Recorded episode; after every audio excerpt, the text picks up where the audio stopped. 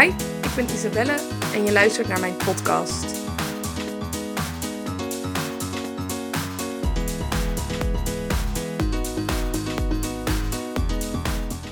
Zo, ik had gisteren mijn tweede gesprek met mijn nieuwe coach. En eh, dat is Femke Valerie. En die gaat mij helpen met een uh, strategie voor mijn bedrijf. Hoe ik dus nog meer impact kan maken en nog meer mensen kan bereiken. Uh, en hoe ik er een echt bedrijf van kan gaan maken. Dus business-wise mega interessant. Um, Mindset-wise ook. Want wat we gisteren hebben besproken. Um, we hebben 2,5 uur hebben we, via WhatsApp gebeld allemaal inzichten volle bak meegeschreven. En daar wil ik wat uh, van delen met jullie. Um, en het thema van mij afgelopen maand is geweest overwhelm. Omdat er komen heel veel toffe kansen op mijn pad. Um, ik mag een heleboel mensen helpen. Een heleboel mensen die willen met mij aan de slag. Dus dat is allemaal mega tof. En op een gegeven moment komt er een punt waarop ik het gevoel heb dat het too much wordt. Dus daarom heb ik afgelopen periode ook geen nieuwe 1 op 1 klanten meer aangenomen. Uh, ik ben wel gestart met een nieuw groepstraject. Dus op die manier kan ik toch nog uh, mensen blijven helpen. Maar op een gegeven moment zit ik voor mijn gevoel heel erg aan mijn max. Um, omdat ik ook nog andere dingen daarnaast wil doen. Uh, omdat ik daarnaast allemaal andere werkzaamheden heb. En um, ik vertelde dat aan haar. En het fijne is van het hebben van een coach, is dat ze niet altijd met je meegaan. Het is niet dat ze zeggen van, oh ja, nee, um, wat heb je het zwaar en wat, ik begrijp je helemaal. Als je een goede coach hebt, dan zegt ze gewoon tegen je, Isabelle, dit is bullshit. Dus, wat zei ze tegen mij? Isabelle, um, nou ja, het zei niet, dit is bullshit, niet zo letterlijk. Maar ga eens even nadenken. Want je zegt dus blijkbaar, je hebt ergens te weinig tijd. Of je raakt overwhelmed. Dus het is, het is eigenlijk een beetje, um, je zit aan je max. Het is niet te veel, maar het is veel. Um, wat ga je dan doen? Um, ga je dan in je hoofd blijven zitten? En dat was wat ik dus aan het doen was. En dan daarover nadenken van wow, het is, het is veel. En dat is iets wat we heel erg geneigd zijn om te doen. Dat als er een struggle is, of het nou overwhelm is, of angst, of onzekerheid, of hè, waar je ook mee dealt, je blijft ermee in je hoofd zitten. En um, je stelt jezelf bepaalde vragen. Um, en daarmee krijg je dus geen antwoorden op je vragen. Stel dat je bang bent. Uh, de vraag die je jezelf dan eigenlijk aan het stellen bent, is: hè, wat nou als er dit en dit en dit zou gebeuren? Of als je overweldigd raakt, uh, van hè, wat nou als ik het allemaal niet meer aan kan? Of als je onzeker bent, uh, vraag je meestal je af van hè, wat nou als ik niet goed genoeg ben? En het komt misschien een beetje gek over, want het voelt alsof het echt zo is. Maar als het echt zo was, als, dan, dan zat je er ook niet mee in je hoofd. Als je gewoon weet van wat je kan, bijvoorbeeld bij onzekerheid, je weet wat je wel en niet kan, dan ben je er ook niet onzeker over. Of met angst, als je weet dat iets gaat gebeuren, ben je ook niet bang ervoor dat het gaat gebeuren. Want het gaat gewoon gebeuren, dat weet je al zeker. Hè? Bijvoorbeeld uh, kerst komend jaar, ik noem maar wat, hè? dat is even heel objectief, dat gaat gewoon gebeuren. Ik ben niet bang of kerst wel of niet gaat komen. Uh, maar andere dingen, zoals hè, de, de angst om te falen, ja, je, je weet dan nog niet zeker dat je faalt. Kijk, als je al weet dat je faalt, maak je er ook niet meer druk over. Dan kan je gewoon denken, ja, ik weet het gaat gebeuren. Uh, fuck it. Het boeit me niet. Of het boeit je wel, maar dan kan je er iets aan doen. Maar die onzekerheid, die zorgt ervoor dat je in je hoofd aan het zitten bent. Nou, wat kun je het beste doen op het moment dat je dus uh, overspoeld raakt door bepaalde emoties? Zou je dan in je hoofd blijven? Is dat slim? Of ga je er wat mee doen? En mijn manier om ermee te dealen was dus ofwel door er in mijn hoofd mee te zitten, of door proberen uit mijn hoofd te gaan en terug te gaan naar de echte wereld. Maar daarmee was het nog niet opgelost. Het knaagde dus nog steeds. Um, en wat ik als advies kreeg om te doen, en ja, het is super slim, maar ik doe het eigenlijk veel te weinig, is om het te gaan opschrijven. En dat is met heel veel adviezen zo, vind ik, merk ik. Um, dat het een blinde vlek voor je is. Je weet het wel, maar je leeft het nog niet. En dat was het bij mij met het uh, stellen van de juiste vragen aan mezelf. En het opschrijven van bepaalde emoties.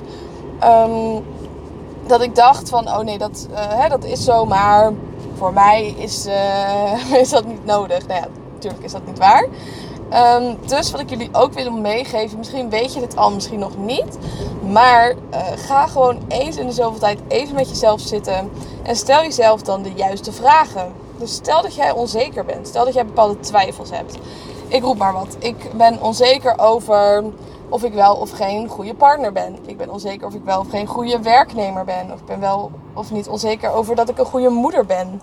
Stel jezelf dan de vraag, blijkbaar ben je er onzeker over. Hè? Je kan jezelf vertellen van, oh nee, ik ben fantastisch en ik doe het allemaal goed.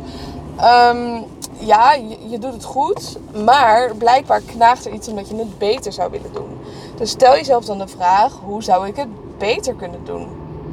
En als je bepaalde angsten hebt van, hè, wat zou er nou gebeuren? Ga dan gewoon met jezelf zitten en vraag je inderdaad serieus af, wat zou er allemaal kunnen gebeuren? Wat is de worst case scenario? Wat is de best case scenario? Wat is de most likely scenario? En wat nou als dat gebeurt? Wat, wat zou het gevolg daar echt van zijn? Want als je vaak in je hoofd aan het nadenken bent, nou, als het worst case scenario zal plaatsvinden, nou, dan stort je wereld bij wijze van spreken in. Ehm, maar als je nou even echt met jezelf gaat zitten en daarover na gaat denken van wat zou er nou echt gebeuren? Wat is het meest realistische wat er gebeurt? Is het misschien helemaal niet zo erg. En ehm, ja, dat, dat je er ook achter kan komen van, nou ja, oké, die worst case scenario is er. En misschien stort mijn wereld dan wel in. Ik weet niet wat je worst case scenario is, wat je voor jezelf hebt bedacht. Maar hoe groot is de kans dat dat gaat gebeuren? Als ik bijvoorbeeld kijk naar mijn eigen bedrijf, dan heb ik mezelf al 30 keer failliet gedacht. ja, gedacht inderdaad. Ehm, dat ik uh, bang was dat ik uh, geen nieuwe mensen kon helpen. Uh, dat ik bang was voor bepaalde tegenslagen.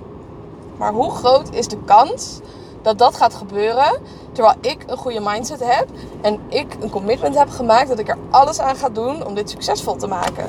Hoe groot is dan echt de kans? Kijk, als je het even gaat proberen, dan is de kans er inderdaad, nou ja, die is groot dat het niet gaat lukken. Want als je het eventjes probeert en je geeft niet alles, ja, dan krijg je ook niet het volledige resultaat. Um, maar als je een commitment naar jezelf hebt gemaakt, of het nou is voor een bedrijf of voor uh, een bepaald doel wat je hebt gesteld, ja, dan uh, is de kans heel klein dat het echt gaat mislukken. Als je ook bereid bent om te moeilijke dingen te doen. En daar kom je achter wanneer je met jezelf gaat zitten en even over gaat schrijven van oké, waar ben ik nou bang voor? En is die angst terecht? Of misschien is je angst wel terecht. Misschien geef je helemaal niet alles. En ik daag je dan ook uit om eerlijk te zijn met jezelf. En niet het allemaal te sugarcoaten en mooier te maken dan het is. En dan jezelf te vertellen: nee hoor, ik ben fantastisch en het gaat me lukken.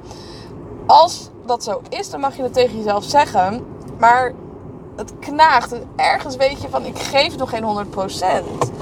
Dus kijk, hoe kan ik die 100% gaan geven als het blijkbaar zo belangrijk voor je is. En dan over het stukje overwhelm. Uh, waar ik dus de afgelopen maand mee aan het uh, dealen ben. Um, de vragen die ik mezelf dus moet stellen is: waar gaat mijn tijd nou daadwerkelijk naartoe? En zijn er dingen die ik niet hoef te doen, die ik iemand anders kan laten doen? Want ik heb een team van mensen die mij kan helpen. En toch wil ik heel veel dingen zelf doen. En door mezelf dat soort vragen te stellen, kom ik weer achter mijn eigen blinde vlekken. Van waarom wil ik het dan zo graag zelf doen? Waarom uh, durf ik het niet uit handen te geven? Um, waar gaat inderdaad mijn tijd naartoe? Uh, waar gaat mijn energie naartoe? Ook heel belangrijk. En wat zijn daarin mijn eigen regels? Hoeveel, hoeveel mensen wil ik bijvoorbeeld uh, maximaal één op één helpen? Uh, zijn er andere manieren bijvoorbeeld dat ik wel nog impact kan maken? Um, maar dat ik niet iedereen één op één hoef te, te, coachen. En daar ben ik nu naar aan het kijken van hè, wat zijn manieren voor mij dat ik in minder tijd meer mensen kan helpen.